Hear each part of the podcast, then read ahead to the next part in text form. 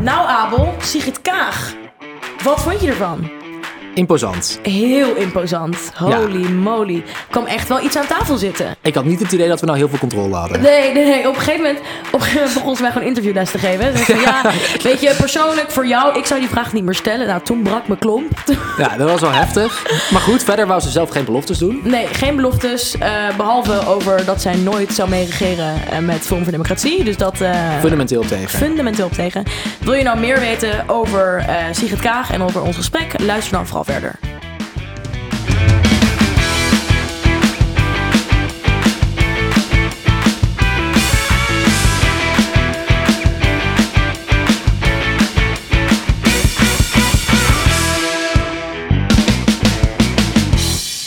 Welkom allemaal bij een nieuwe aflevering van de Studenten Stemwijzer.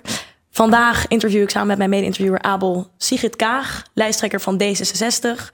Wat fijn dat u er bent. Welkom. Dankjewel. Hoe gaat het met u? Heel goed, dankjewel. Ja? Ja. De campagne loopt goed? Ik hoop het wel, ja. Nou, we zijn druk bezig natuurlijk. Het is anders. We doen veel op eh, Insta, we doen veel online. Eh, ik, vertelde jullie net dat ik eh, Clubhouse voor het eerst heb gedaan. Dus we roeien met de riemen die we hebben dankzij de nieuwe technologie. Ja, dit doe ik veel vanuit huis nu. Ja, absoluut. Ik, Ja. ik werk al maanden eigenlijk vanuit huis. Dat kan ook heel makkelijk. Voor Brusselse overleggen, weet je, als je echt de vlag naast je moet hebben dan, en de juiste inlogcodes, dan doe ik het vanaf het ministerie. Maar er kan veel meer van huis dan we denken. Ja. Heeft u nu ook kinderen thuis zitten? Of? Eh, ik heb mijn jongste, eh, Ja. die eh, heeft net een, had een gap year. en die, ja, die kon natuurlijk nergens naartoe. Maar die had ook een, nog een vak wat ze moest halen. Dus dat heeft ze nu onlangs gedaan. En eh, die, wacht, eh, die kan, wacht met smart tot ze aan de studie kan beginnen. Aan welke studie gaat u, eh gaat Mijn u jongste? beginnen? Ja? Ja, die eh, is uitgelo- Die kon niet aan de medicijnenstudie starten wat ze Hmm. wilde. Dus die begint nu met biomedische wetenschappen. Maar ze is gaat het geloof ik nog een keer Ah, proberen. ja, dan kan je snel overstappen, Ja. toch? Ja. Oké, wat fijn. Ja. Nou, we zitten natuurlijk bij de Studenten Stemwijzer. En we willen het eerst ook eventjes hebben over hoe u was als student. Aha. Dus wij beginnen met het vuurpeloton. Ehm, dat, zijn, eh, dat zijn zes duivelse dilemma's. En eh, de truc is dan eigenlijk om zo snel mogelijk te reageren. En dan daarna mag u een paar nuances inbrengen natuurlijk. Oké. Ehm, dus laten we beginnen met de eerste. Nederlands of Brits studentenleven? Nederlands. Studentenhuis of langer thuis? Studentenhuis. Diplomaat of politica? Eh, allebei. Nee, een van de Nee, twee. één van de twee. Ehm, ik, ik ga in het nu, politica. Oké. Oké. Eh, voor eeuwig in Nederland of voor eeuwig in het buitenland? Oeh, wat voor vragen zijn dat, jongens? Oké, voor eeuwig vanaf nu in Nederland. Oké. Eerste vrouwelijke premier, maar dan van FVD. Of weer een mannelijke premier? De beste premier en die zal nooit van FVD komen. Ik verzet me tegen FVD. maar Dus dat is de tweede optie. Een, een andere mannelijke premier, maar nooit FVD. Oké. zaterdagavond uit of Ik zondag... verzet me twee keer tegen die andere optie. zaterdagavond uit of zondagochtend in de kerk? Zaterdagavond uit. Je Ja. kunt namelijk ook als je wilt kan zaterdag voor je dat je uitgaat naar de kerk, als je dat wilt. Ja, dat kan op zich wel. Maar wilt u nog nuance brengen? Bijvoorbeeld in eh nou, Nederlands en Brits studentenleven, dat ging eigenlijk wel goed. Maar ehm, ja, dat stukje over, over FVD. Nou ja, weet je, ik, eh, ik sluit, eh, sluit sowieso elke vorm van samenwerking met Forum voor Democratie uit. Het gedachtegoed. Nou, het, het laatste natuurlijk wat we weer hebben gezien, eh, uitspraken over het tribunaal van Nuremberg, het antisemitisme wat binnen de partij eh, leeft en natuurlijk ook de vrouwenhaat. Ik bedoel, het is, een las- waslijst van hier tot Tokio.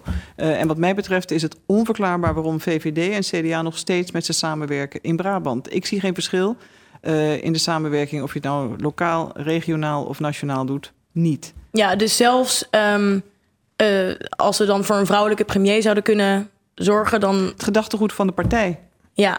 dat ja, is voor dus mij in die- de, de, de barrière, dat is een no-go. Ja, oké. Want als we kijken naar de campagne van eh, D66, is het ehm, best wel een beetje op een Amerikaanse manier vooral gefocust op de partijleider of over, ja, op, de, op de lijsttrekker. Op u? Op u. Heb je Ehm, de campagne van de VVD gezien? Ja, die, Ja. die- ja, nee, zeker. Nee, dat is waar. Maar ja, er wordt eigenlijk wel ehm, veel benadrukt dat de tijd rijp is voor een vrouwelijke minister-president. Ehm, maar denkt u dan dat het eh, beter is om te benadrukken dat er ja, wel verschillen zijn tussen een vrouwelijke of een mannelijke lijsttrekker? Of denkt u dat we gewoon Uh, of tenminste minister-president? Of denkt u dat we gewoon moeten doen alsof er geen verschil is? Volgens mij zijn er drie dingen. Je, je kijkt naar uh, het team van vrijwilligers wat in Team Kaag zit. Uh, een aantal daarvan richt zich daar terecht op. Want we hebben in Nederland een, eigenlijk een, een absurde periode, al sinds 1848, dat we altijd een man aan, aan de macht hebben gehad als premier. En veel landen om ons heen zijn al lang veel verder. Ja, ook Mijn, landen. Ook cons veel conservatievere landen. Mijn eigen campagne, die voer ik op de inhoud. Uh, en mijn ervaring. Maar de inhoud is de kansongelijkheid, de klimaatcrisis, de aanpak daarvan en natuurlijk ook uh, de woon, het belang van woningbouw en versterking van de rechtsstaat als een al overkoepelend iets. Verder ben ik natuurlijk wel iemand. Ik ben mens, zeg ik altijd. Ik ben mm. moeder, ik heb vier kinderen en ik heb 30 jaar ervaring ook op het wereldtoneel. En ja, laat het eens tijd worden, ook voor een vrouw in Nederland. Oké, dus als we dus wel kijken naar een focus op ja, dus wel uh, een vrouwelijke, ja, mogelijk een vrouwelijke minister-president. Wat zou u dan bijvoorbeeld anders doen um, als we kijken naar uw identiteit als vrouw dan Mark Rutte? Stel, hij zou nog een keer. Nou, wat ik sowieso anders zal doen, ik deel mezelf niet op in het deeltje wat vrouw is en wat, wat moeder is. En uh, je bent één, één geheel als pakket. Hè?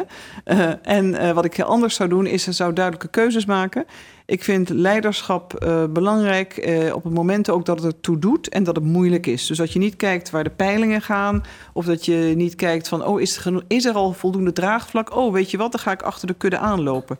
Ik vind Angela Merkel wat dat betreft een veel sterker voorbeeld. Die laat zien dat op de momenten dat jij verschil moet maken... je moet uitspreken voor een keuze, dat je dat durft te doen... en dan aan mensen uitlegt waarom het zo belangrijk is. Zelfs het impopulaire, dat is leiderschap. Idealiter is, is het merendeel van de mensen het met je eens. Maar het is vaak niet zo bij moeilijke mhm. keuzes. Ja. Dat zou ik anders doen. Dat zou je anders doen. Oké. Wat iets groter is in politiek is beeldvorming. En aan iedere partij die, daar hangen stereotypen aan. Wat is het partij, of wat is het, sorry, wat is het stereotype wat nou aan uw partij hangt? Nou, we hadden het er laatst weer over. En natuurlijk bij ons door de decennia heen. Grappig genoeg is het makkelijkste label te hangen dat we elitair zijn en een partij voor hoogopgeleiden. Mm Het is zo dat een deel van onze kiezers uh, een goede opleiding hebben mogen genieten. Maar het andere deel van het verhaal is dat wij ons juist inzetten voor de kansgelijkheid van iedereen door onderwijs, door kansen op de arbeidsmarkt, door het echt tegengaan van discriminatie. Dus wij staan voor de ultieme gelijkheid van iedereen in onze maatschappij. Ja, en dat is niet elitair. Dat is gaan staan voor de grondwet en daar uitvoering aan geven. Ja, maar als je, er stond van de week een artikel in de NRC... waarin de achterban van andere partijen onder de loep werd genomen. En daaruit bleek dat D66 eigenlijk ja, de minst, de kleinste groep... van, van uh, lager opgeleide of praktisch opgeleide achterban had. Is dat een probleem? Nou, het is natuurlijk ontzettend jammer, want wat ik net zei, als je kijkt naar ons verkiezingsprogramma, waar wij voor staan en waar we ons voor inzetten, uh, bijvoorbeeld het toegankelijk maken van betaalbare woningen, inclusief sociale huurwoningen, het verhogen van het minimumloon, het verlagen van de belasting op arbeid. Oftewel, iedereen uh, die werkt, moet er beter op worden. En we willen het, bijvoorbeeld de belasting op kapitaal, op echt vermogen, wat de ongelijkheid in Nederland zo doordrukt, dat gaan we verhogen.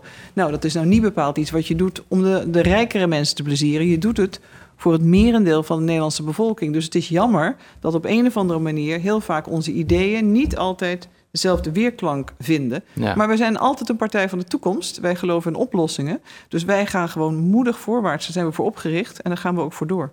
Maar dan ligt het dus eigenlijk um, meer misschien aan de beeldvorming dan aan de ideeën. Neem ik aan. Want de ideeën hebben we, ik denk dat wij de meest ideerijke en innovatieve partij zijn aan ideeën. Dat ja, maar die ideeën komen dus niet over.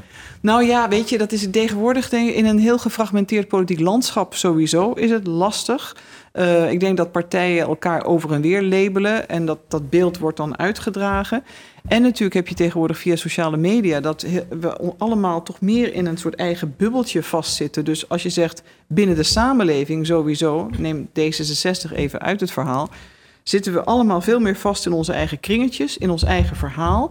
En dat is een groot risico. Ik heb liever dat mensen zeggen waarom ze niet op ons stemmen en zeggen, nou, belachelijk idee. Ja. Uh, dan dat ze eigenlijk nooit hebben geweten dat wij juist staan voor meer geld naar de kansarme scholen, meer geld om de kansarme wijken te versterken. En dat wij niet kijken naar de postcodeveiligheid, zoals sommige andere partijen, tussen mhm. aanhalingstekens. ja. weet je, uh, ga er maar aan staan. Wij gaan gewoon door. Het is aan ons om het verhaal anders over te brengen, mensen te bereiken. Ja, wij um, stellen altijd een paar dagen voordat we de lijsttrekker interviewen uh, een vraag op onze social media, op onze Instagram. eh, wat zouden onze volgers vragen ehm, aan de lijsttrekker in kwestie? En ehm, het antwoord wat wij best wel veel kregen was waarom uh, verlogend D66 hun principes in de coalitie en in onderhandelingen. Um, en de Moria-deal werd veel gebruikt als voorbeeld. Wat, wat zegt u daarover? Ja, nou, waarom verlogen wij onze principes? Ik denk dat wij uh, heel transparant zijn. Wij hebben een eerlijke inzet. Stapje terug. Wij zijn in, deze, in de, dit conservatief, dit, deze conservatieve formatie gegaan. Inderdaad, om verantwoordelijkheid te nemen. Wat bijvoorbeeld de GroenLinks gewoon niet heeft gedaan. De makkelijkste weg is wegblijven, aan de zijkant gaan staan. Mm -hmm. Wij hebben dat gedaan. We hebben het pensioenakkoord bereikt, juist ook voor de jongere generaties. We hebben de klimaatwet bereikt en het klimaatakkoord. Dat is echt de toekomst, vooral voor jongere mensen. Ik ga het misschien niet meer meemaken, maar het is voor jullie allemaal. En natuurlijk het, uh, en het belangrijkste inderdaad is om te vechten en nog te blijven staan voor een humaan een migratiebeleid. Daar hoort bij een humaan asielbeleid. Is het ma makkelijk geweest? Absoluut niet. Zijn wij er trots op? Nee, dat zal je ook Gert-Jan Segers horen zeggen. Maar de keuze op dat moment was helemaal niemand meer naar Nederland kunnen krijgen, omdat gewoon binnen het parlement 70% van de partijen die willen niets. Die willen dat bijna niemand opnemen. Maar het is toch bij de Moria-deal ja, zo maak, geweest? Maak, dat, maak, sorry, maak maak me even sorry. af. Of de keuze was niemand, of het regeerakkoord openbreken. Een beetje saaie term, maar dat is dan de afspraak. En nog 100 mensen kunnen krijgen. Maar voor ons is dat niet iets waarvan we zeggen... oh, wat een prachtdeal, verre van. Dat heb ik ook altijd gezegd. Wij zetten in op jaarlijks 5000 asielzoekers naar Nederland halen. Als wij met een progressieve coalitie kunnen regeren. Maar je, je hebt niet al je partners voor het uitkiezen. Zij vinden ons weer veel te liberaal. Ze vinden dat wij veel te vrij omgaan met dit soort thema's. Wij staan hiervoor. Het is niet verlogenen. Het is niet altijd helaas je zin kunnen krijgen zoals je hem zelf voor je ziet. Maar u zei net, vanaf de zijlijn kun je, kun je schreeuwen, ja. maar je kan ook mee regeren. Ja. D66 is toch opgericht ook om aan de zijlijn te staan en eigenlijk de regering ja, um, een beroep te doen erop om, om beleid ja, te veranderen. Maar we hebben eerder geregeerd en je, je bent natuurlijk niet eeuwig als partij. Uh, wij zijn geen uh, agenderingspartij alleen en we zijn ook geen, uh, geen clubje activisten. Wij, sta, wij zijn opgericht voor vernieuwing in de politiek. Maar daar hoort ook bij dat je op gezette tijden, natuurlijk wanneer het kan, als je genoeg zetels hebt, dat je meedoet. Maar je moet iedere keer de afweging maken of je liever in de oppositie blijft, of gaat weer, of dat je mee wilt regeren. Denk ik, onze inzet is weer regeren, omdat wij denk ik ontzettend belangrijk zijn als een tegenstem, als een tegenwicht. En ja, de grootste investering in onderwijs is er alleen dankzij D66. Zou je ook weer gaan regeren in... Sorry, zou u ook weer gaan Hey, regeren mag je me in... een- tutoyeren hoor? Ja, ik vind het heel lastig. Ehm, mag, ja, ik- het mag, Veel ik te ga het goed opgevoed, opvoeden. deze jongen. eh, zou je ook weer mee gaan regeren als er weer een nieuwe conservatieve coalitie komt? Want dan kun je weer zo'n Moria-deal krijgen. Nou, ik, dit wordt natuurlijk een van, een van de vele eh, grote keuzethema's. Maar dit is niet de enige. Dus iedereen kan je vragen, gaat u dit doen of gaat u dat doen? Mijn inzet is dat wij de grootste worden, zo niet zo groot mogelijk. En dat we idealiter met een progressieve formatie aan de slag kunnen. Maar eerlijk gezegd, als je terugkijkt naar bijvoorbeeld eh, het klimaatakkoord, de klimaatwet... VVD en CDA hadden bijna niets daarover in hun verkiezingsprogramma. En ze hebben het wel ondertekend. Alleen wij vinden het niet ambitieus genoeg.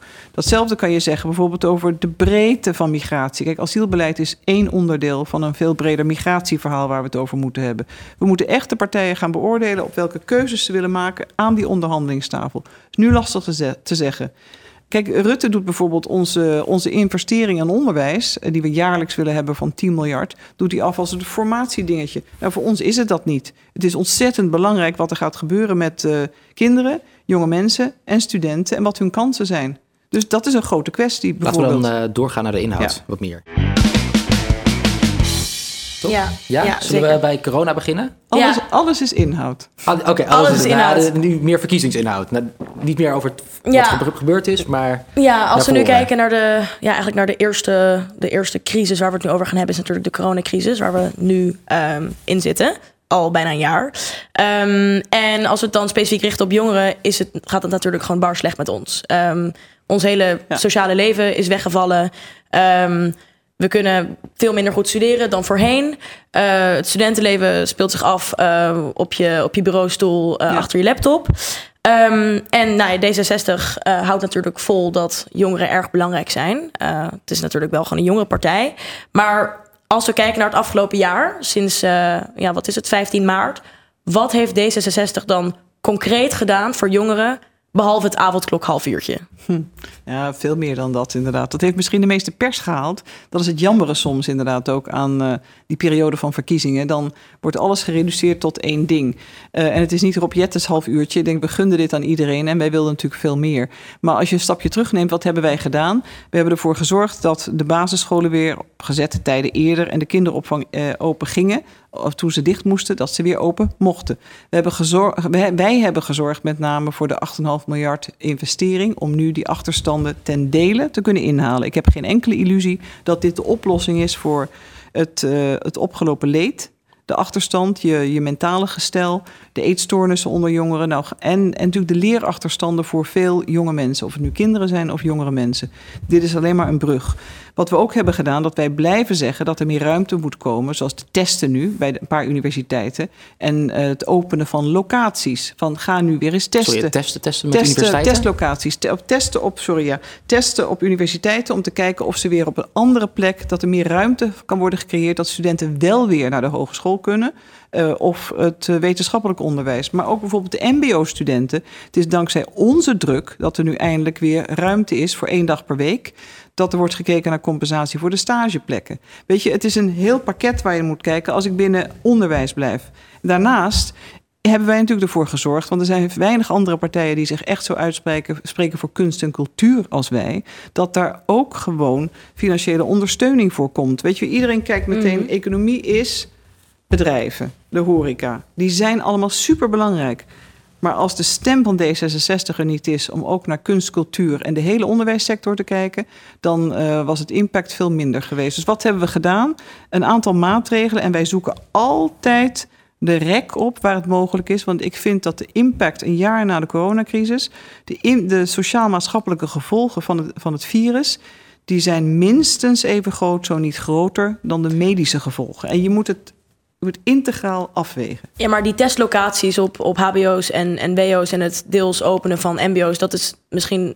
Dat is vorige week gebeurd, toch? Of sinds gisteren is we, dat We praten er al maanden over. Weet je, je kunt niet alles helaas aan de buitenkant zien waar wij aan de binnenkant voor strijden. Je hoort dan alleen, kun je horen wat, wat Rob Jetten doet in het parlement. Want die praat erover, we spreken erover, wij voeren de druk op. Wij kijken overal waar de ruimte is. Maar niet alles wat uh, besluit, omdat in alle fases van het virus natuurlijk ligt er een OMT-advies. En dat is voor alle politieke partijen uh, is dat ontzettend belangrijk. Natuurlijk omdat dat de eerste inschatting is van de gevolgen van het virus. Voor het ziektebeeld, voor de IC-bedden, voor de capaciteit.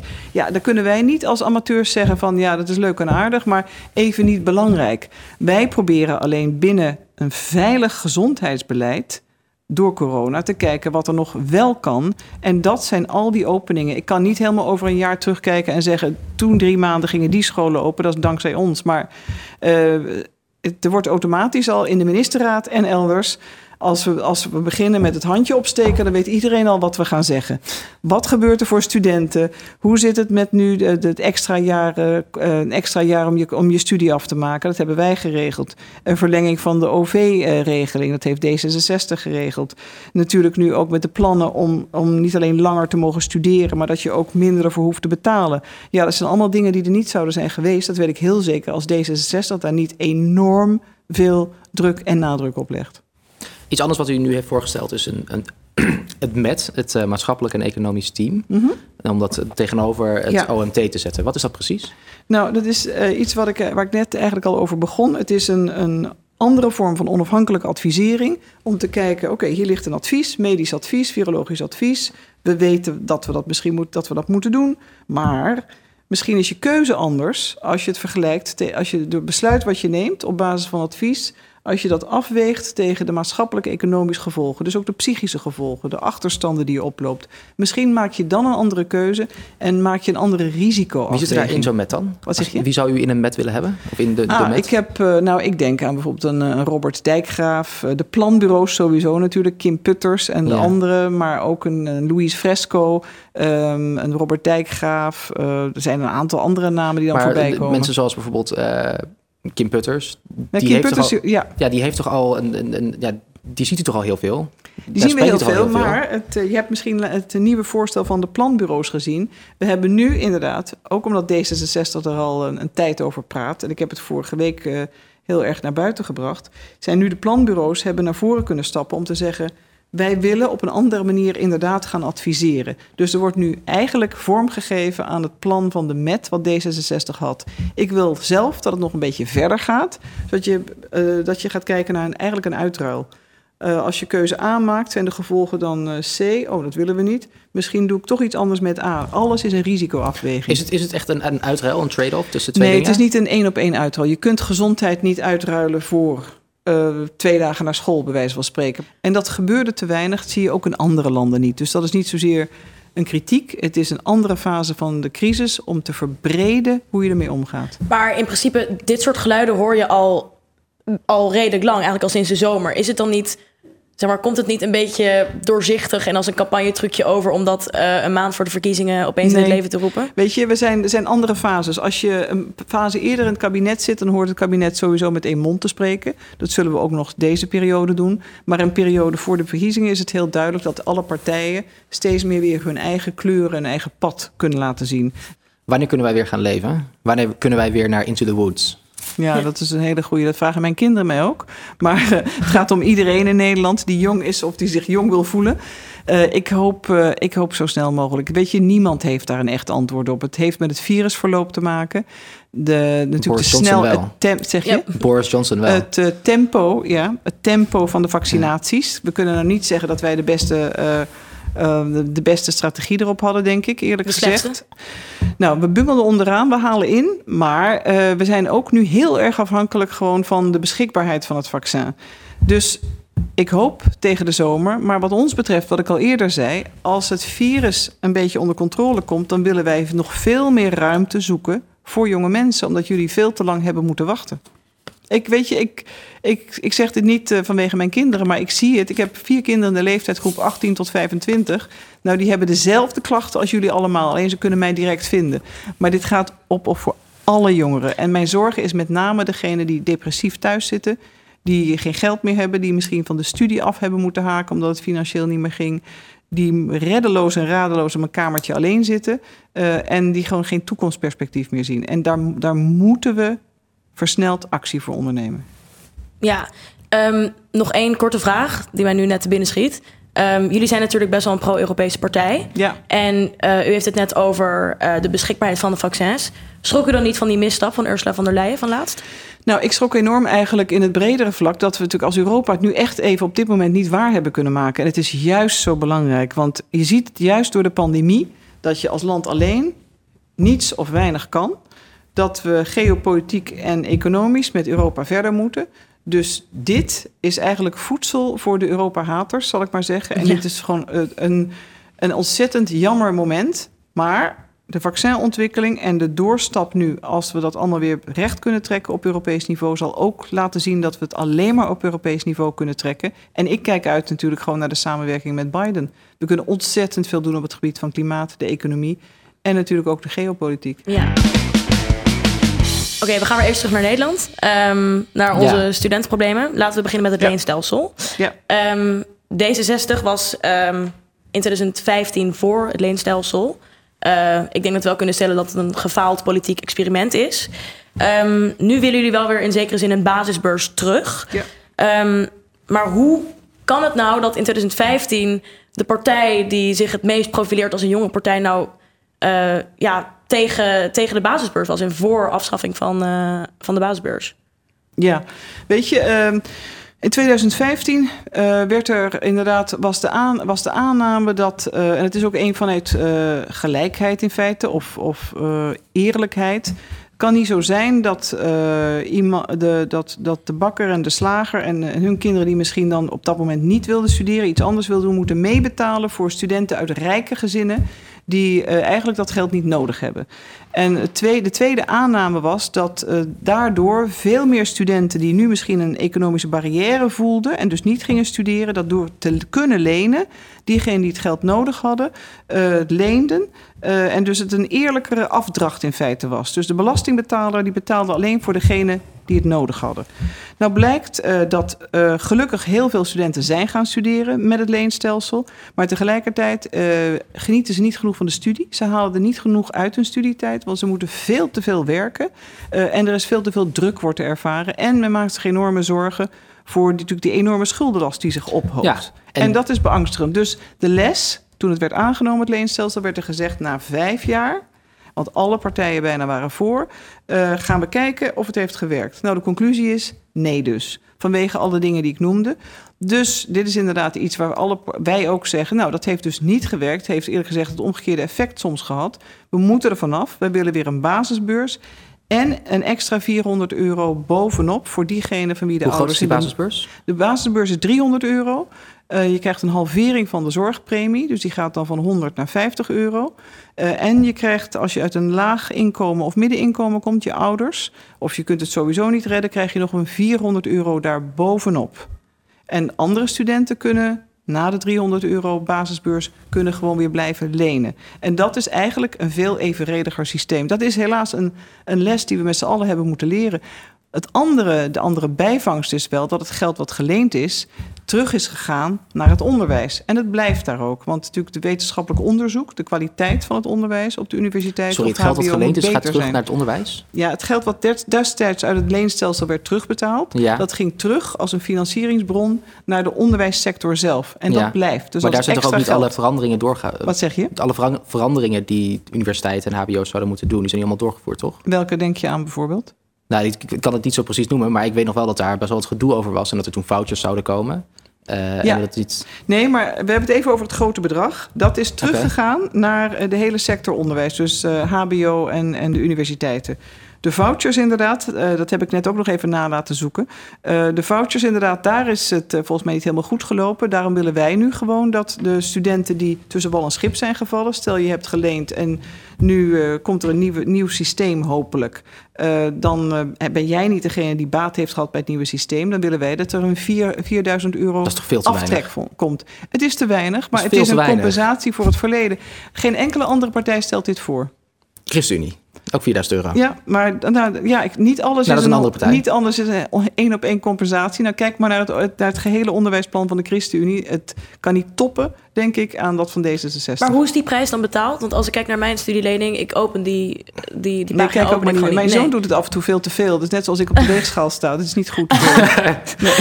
nee. Ik ken het probleem. Um, maar hoe is, hoe is dat bedrag bepaald, die 4000 euro? Waar, waar komt dat vandaan? Dat is, uh, dat is berekend door de onderwijsexperts. Ja, het is een verdubbeling van de voucher. Die had 2000 euro moeten zijn. Nou, dat is inderdaad dat is nooit echt uitgevoerd. En wij willen gewoon dat het 4000 euro is. Om nou te zeggen dat is een, uh, super bedacht bedrag. Nee, je moet ergens een, een mate van een bedrag meten. Maar als je kijkt naar het gemiddelde uh, lening die uitstaat bij studenten, komt dat neer op 25.000 euro.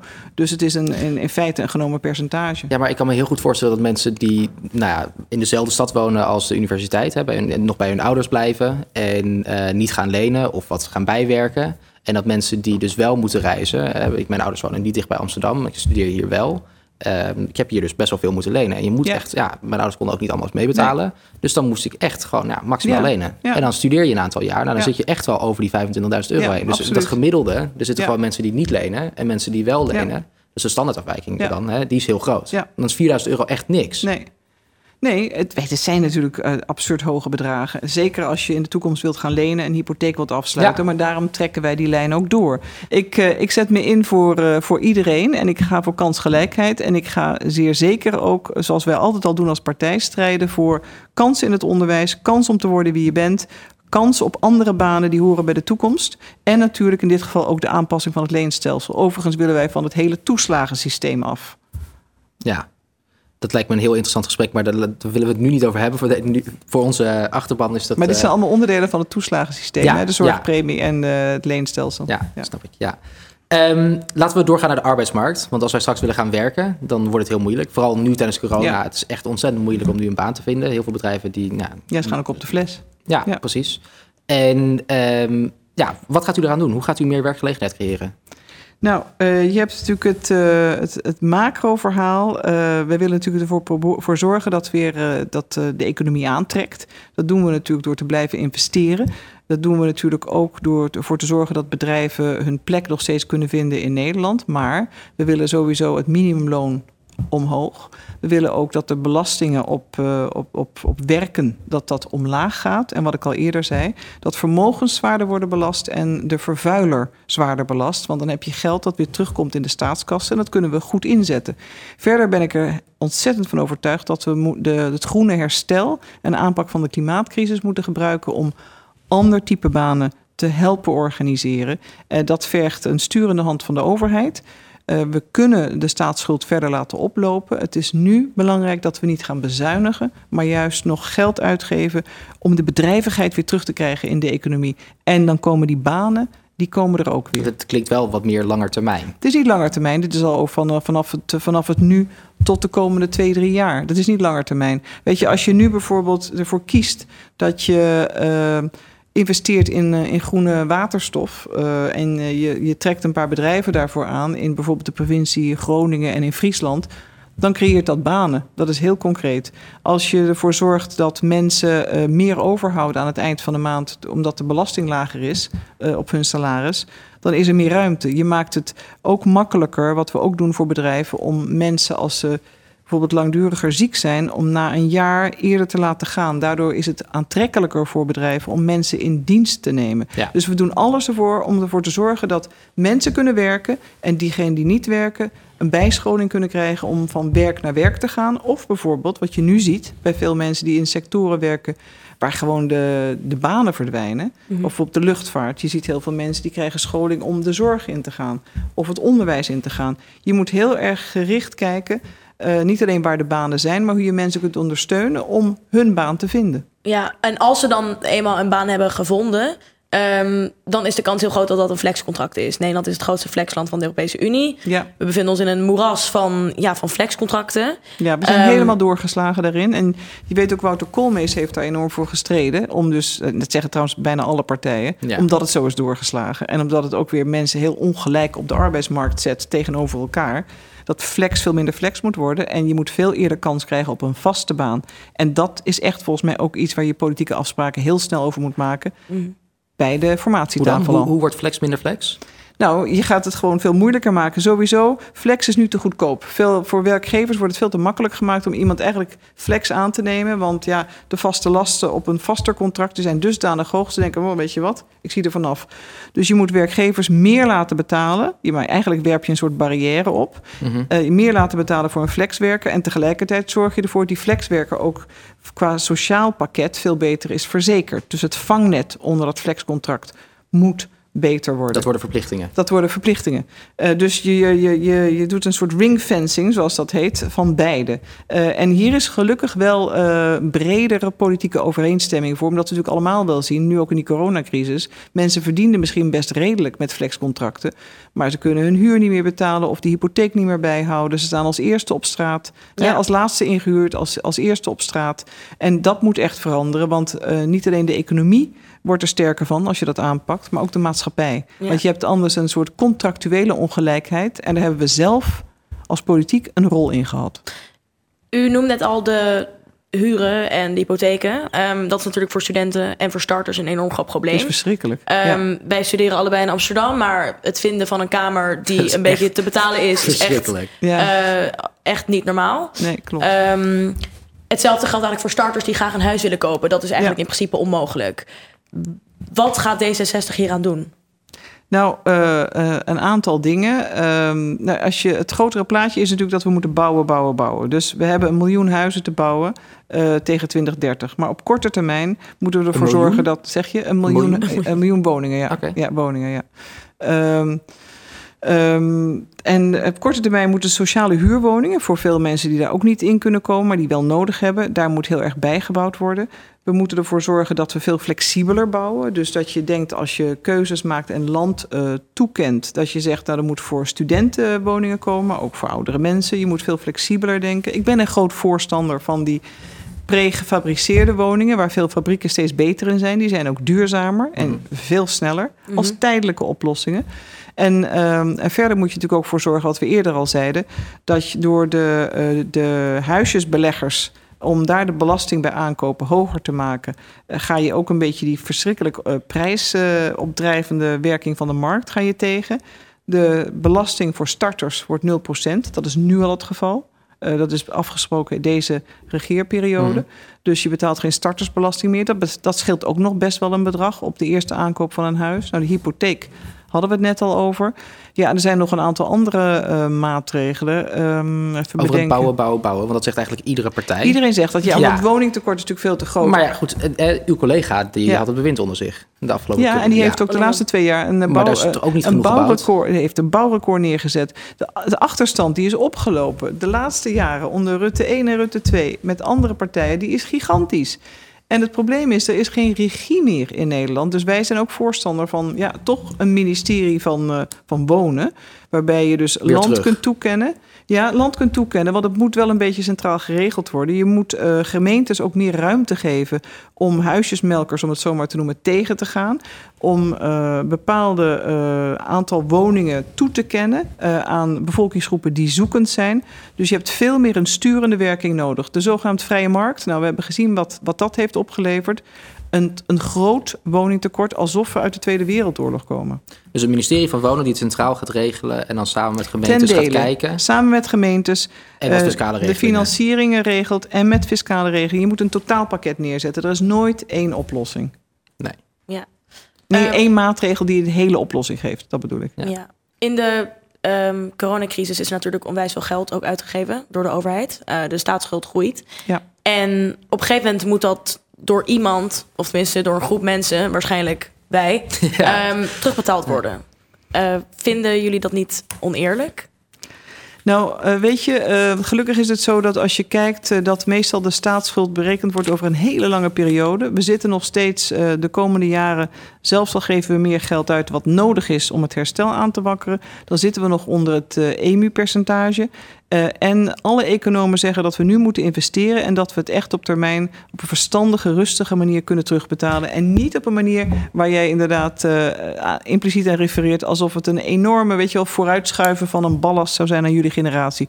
Dat is niet verstandig. Dat is, het zou hetzelfde zijn als de klimaatcrisis nu niet aanpakken en zeggen, nou ja, het komt wel, want het is niet zo warm, niet zo koud en het wordt anders een beetje duurder. Laat het maar aan de volgende generatie over. Maar kunt u dan onze luisteraars al op dit moment geruststellen um, dat wij dus niet de generatie zullen zijn die uiteindelijk alle kosten zullen moeten dragen van deze crisis. Want dat is wel een gevoel wat leeft. Ja. Um, spreek de eerstvolgende student aan of jongeren op straat en weet je, vraag hem naar dat onderwerp. En het zal gewoon zijn van ja, we moeten en al deze crisis mentaal dragen. En straks krijgen we de rekening op ons bordje ge, ge, ja, gepresenteerd. En de studieschuld. En de studieschuld. Dus weet je, ik vind het, het zijn prachtige plannen, maar ik heb niet het idee dat het doorcijpelt naar de groep uh, waarvoor wij nu spreken. Ja, maar weet je, ik zou ook daarbij zeggen, heb een beetje vertrouwen.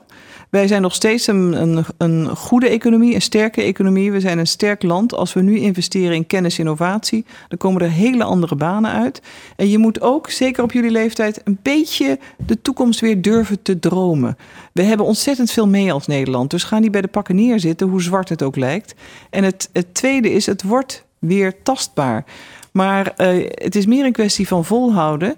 Alleen voor de coronacrisis was het al zo dat jullie generatie het niet meer zo goed zal hebben ja. als jullie ouders, dat ben ik dan in feite, het hebben gehad. Ja, dat is zo. Want het ging al over de hele wereld en zeker in Europa ging het niet meer zo goed. Ten dele omdat we aan het vergrijzen zijn, ten dele omdat we soms een verouderde econ economisch model hebben, meer in Duitsland dan in Nederland. Dus nu is sowieso, staan we op een kruispunt om te investeren, om weer te kunnen groeien en op een andere manier te bloeien.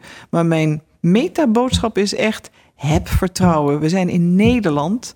We zijn nog steeds de zeventiende economie ter wereld op ons postzegellandje. We hebben topuniversiteiten, top MBO-scholen, top HBO'ers. Geloof in jezelf.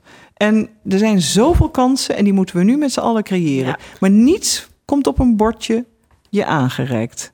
En zo Ja. wil ook niemand groot Behalve de klimaatcrisis. Dus de we het klimaatcrisis, precies. Ehm, Nederland heeft de, Nederland heeft de klimaat, eh, ja, lijkt de klimaatdoelen doelen van eh, 2030 niet te halen. Ehm, dat is natuurlijk eigenlijk een enorme domper voor onze generatie. Jullie zaten in het kabinet. Kunt u ons een beetje uitleggen waarom dat niet is gelukt? Nou, we hebben, ik zou het, uh, ik zie het iets anders. Um, dankzij D66 um, en natuurlijk de andere partijen, maar met name dankzij D66, GroenLinks en ook de ChristenUnie, is er het, het groenste kabinet ooit. Dat was nooit ge, uh, gebeurd. Uh, we hebben een klimaatwet en een klimaatakkoord. Het tempo alleen van het proberen te halen van de doelen van Parijs is mij ook veel te langzaam. De stikstofcrisis uh, en uh, natuurlijk uh, de hele PFAS-kwesties zijn er nog tussendoor gekomen. Maar we gaan te langzaam. En de coronacrisis is geen oplossing voor de klimaatcrisis. Daarom zie je ook in het D66-partijprogramma dat we ontzettend ambitieus zijn. We willen, wij zetten in op 60% CO2-reductie. Tenminste, toch? Tenminste. En we willen dat natuurlijk doorvoeren op Europees niveau. Dankjewel.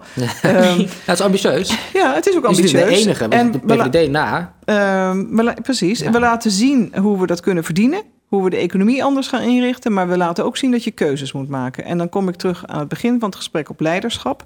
Je moet de fossiele subsidies uitvoeren. Je moet de belastingkortingen uh, op, op allerlei energievoorzieningen die vervuilend zijn uitvoeren. Je moet de vervuiler laten betalen. En ja, niet altijd een populaire boodschap, maar wel essentieel. De, vee, de, de veestapel moet gehalveerd worden. Want zo kunnen we zowel de klimaatdoelstellingen halen we kunnen de boer helpen richting uh, kringlooplandbouw en ondersteunen daarin. En we kunnen bouwen. Dus ja, er zijn keuzes, maar er zijn een aantal partijen die gewoon niet echt de harde keuzes willen maken. Mm -hmm. Want of omdat hun eigen achterban daar natuurlijk misschien conservatiever in zit. Of uh, omdat het natuurlijk niet altijd een populaire boodschap is, maar het is wel een hele belangrijke boodschap. En deze keuzes, hè? we hebben nog maar 2,5 kabinet tot 2030. Gaat dat lukken? Je weet niet hoe ze, weet je, ja. Italiaanse politiek is één kabinet per jaar. Hè? Ja, ja. nou wens ik ons onze eigen politieke traditie toe en stabiliteit. Maar 2,5 ja. tot 10. Je, je, je weet niet wat er gebeurt. Ja. Ja. nou dat is inderdaad wel waar. Maar goed, u denkt wel dat, dat, dat er nog genoeg tijd is om dat te doen? Of? Nou, ik maak me ontzettende zorgen. Ik denk dat de grootste crisis die we, die we hebben dit, de, deze eeuw is de klimaatcrisis. En ik heb ook te, in een, een, televisiegesprek met andere vrouwelijke lijsttrekkers gezegd: dit is zoals de Amerikanen zeggen, een kwestie van do or die. Als je nu niet kunt kiezen, je weet al wat je krijgt. Uh, te warm, te koud. Vorig jaar zijn er 650 mensen uh, meer overleden dan je seizoensmatig normaal ziet voor leeftijdsgroepen vanwege de hitte. En ga zo maar door. In andere landen zien we natuurlijk al gevolgen van klimaatverandering uh, zijn droogte, ar nou, sowieso armoede, droogte, conflict en, en sterfte door honger. Dus als, als we dat nog niet als een grote, grote spiegel voor onszelf zien, omdat we nog zo rijk zijn, trekken we het nog. Maar wij hebben de keuze om koploper te worden of een hele, uh, ja, een beetje sneuwe middenmotor. Nou, dat, mm -hmm. dat, dat, dat wil ik niet voor Nederland. Ja, want afgelopen drie kabinetten zijn natuurlijk onder Rutte's bewind geweest. Uh, stel je voor, um, D66 gaat weer met uh, VVD regeren hoe gaan jullie dan nog meer gas erachter zetten dat, dat, deze, dat deze doelstellingen worden gehaald? Nou, voor ons is dit een ontzettend uh, belangrijk onderhandelingsthema. Uh, ja, thema is, doet bijna niet, doet een beetje af gewoon aan de, aan de zwaarte wat ik geef aan, aan de aanpak van de klimaatcrisis. Ik denk dat we het op drie manieren sowieso moeten aanvliegen: de urgentie, vanuit de gezondheid, vanuit een kwestie van uh, kwaliteit van leven, maar ook de samenleving meenemen en investeren, want daarin liggen echt de banen. Van groene waterstof tot, tot auto's, tot, tot duurzaam textiel. Mm-hmm. Weet je, alle kansen liggen daar. En alle jonge mensen, ook ondernemers die ik meeneem, bijvoorbeeld op missies of nu op digitale handelsmissies, alle start-ups en, en, en, en jonge mensen, die hebben fantastische ideeën. En daar ligt ook het verdienvermogen. Dus we moeten onszelf niet afremmen. We moeten sneller gaan. Maar ik ben ontzettend bang dat we de doelen niet gaan halen als we nu niet op tijd handelen. En de gevolgen, die kunnen we wel voorzien. Dit is niet een pandemie ja. die je overkomt. Iets wat we u vaak horen zeggen is dat we eraan kunnen gaan verdienen. Ja. Je noemde net al de start-ups en ja. de banen, de overheid. Kunnen we allemaal gewoon, het is allemaal goed. We kunnen er allemaal gewoon aan verdienen. Ja, niet allemaal. Kijk, bijvoorbeeld, het hangt wel wat je studie is natuurlijk. Als je antropologie studeert, zoek je misschien een ander soort, uh, soort functie. Maar je hebt een groot aantal bedrijven die door te verduurzamen en te vergroenen, kan je koploper worden. En ik zie, ik zie dat als, uit mijn werk als minister van Handel, dat er heel veel vraag naar is, zowel naar de producten. De consumenten, die, die kopen steeds duurzamer. Die willen ook weten dat, hoe het is geproduceerd en wat de CO2-footprint is. Dus het is gewoon een keuze om, uh, om te moderniseren, om je aan te passen en voorop te lopen. Je kunt ook achterop lopen, maar dan ga je uiteindelijk een hogere CO2-belasting bijvoorbeeld betalen over de grens. Dus het zijn nu belangrijke momenten uh, welke kant je op wilt gaan.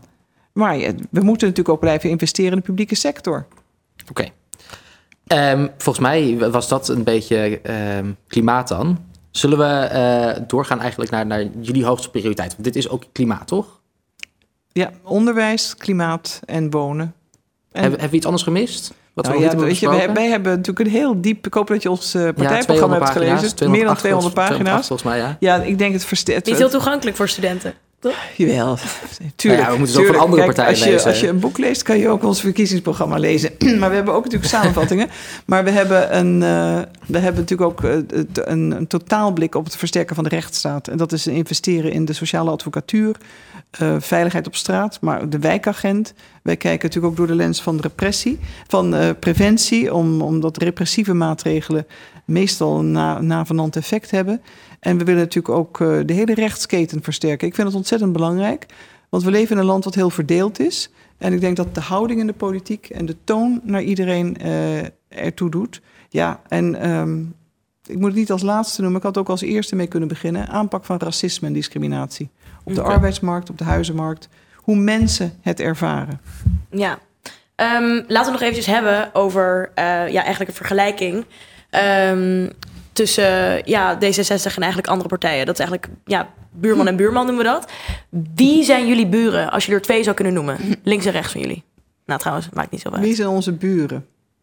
Um, nou, we zijn misschien een soort eenling, hè? Wij zijn progressief en liberaal. Nee, dat telt nee, niet. Nee, dat nee, telt niet. Twee buren. Twee buren, ja. twee buren. Nou, uh, een natuurlijke buur, zeker op het gebied van klimaat, is zeer zeker GroenLinks. En mm -hmm. ze zijn ook... Uh, wij zijn de meest pro-Europese partij, maar zij durven zich ook nog voor Europa uit te spreken. Zijn jullie de meest pro-Europese partij? Ja. Ik heb hier laatst aan tafel gezeten met Volt. Ja, maar we zijn de meest Europese partij die al 50 jaar in de politiek meedoet. Hebben we niet, hebben we niet een beetje een, een, ideologische opschudding nodig, zoals Volt? Gaan jullie uh, geen stemmen verliezen aan, uh, aan hen? Misschien een paar. Ik denk dat het belangrijk is dat je kijkt naar het totaalpakket van een partij. Alleen pro-Europees zijn is niet genoeg. Wat belangrijk is, wat je, wat je met Europa doet en mm. vanuit welke plannen en welke ideeën. Ik vind trouwens, uh, ik vind trouwens uh, Volt als, uh, als, als, als idee ook hartstikke leuk. Maar wij doen natuurlijk al een aantal jaren mee en wij blijven staan voor vernieuwing. Um, maar dan aan onze andere buur. Ja, dan is het als liberale partij een progressieve stemmer bij de VVD. En uh, nee, de liberaal bij de VVD, want die vind ik tegenwoordig wel, uh, die kan ik niet altijd vinden. Uh, en, en dan de, de, de progressieve kiezer bij het CDA. Als je het gaat bijvoorbeeld over humaan asielbeleid. Ah, ja, dus maar zijn er drie. één daarvan, zeg maar. Dus GroenLinks en dan? Dan de, de, progressieve, de progressieve kiezer bij het CDA, denk ik. Oké, okay. buurman okay. en buurman dus, echt. Ja. Ja. ja. Oké, okay. ik, um, ik denk dat we een beetje moeten gaan afsluiten. De verkiezingen komen er bijna natuurlijk aan. Mhm. Mm -hmm. Hoeveel zetels gaan jullie krijgen, denkt u? Ik doe niet aan mee, dat doe ik niet aan mee aan raden. Maar u, kan, u kunt de prijs verdienen? Ja, dat kan me niet schelen. Oké, oké, oké. Geen enkele uitspraak over? Nee, nee okay. echt niet. Geloof ik niet in. Dus bovendien, uh, dat is... Uh, de, het, het, weet het, het boze oog over je afroepen. Oké, okay, nou, okay. fair enough. Gewoon ja. doorgaan. Ja. Er luisteren natuurlijk veel studenten en jongeren nu. Heeft u nog iets wat u aan ze zou willen meegeven op dit moment? Um, partijpolitiek of persoonlijk? Nou, wat u zelf wil, eigen invulling. Ja, wat ik eerder zei, durf te dromen. He, heb vertrouwen. Het ziet er nu misschien heel moeilijk en donker uit, maar stem. Ik hoop D66, maar weet sowieso als je je stem uitbrengt, als je verschil wilt in de maatschappij en voor onderwijs, voor banen en een, hoe we met elkaar omgaan als mensen, dan moet je echt uh, pro, de progressieve partijen verder helpen. Oké, okay. ontzettend bedankt. Ja, hartelijk dank. Ja. ja, ontzettend leuk dat je hier was. Ja hoor, hartstikke leuk.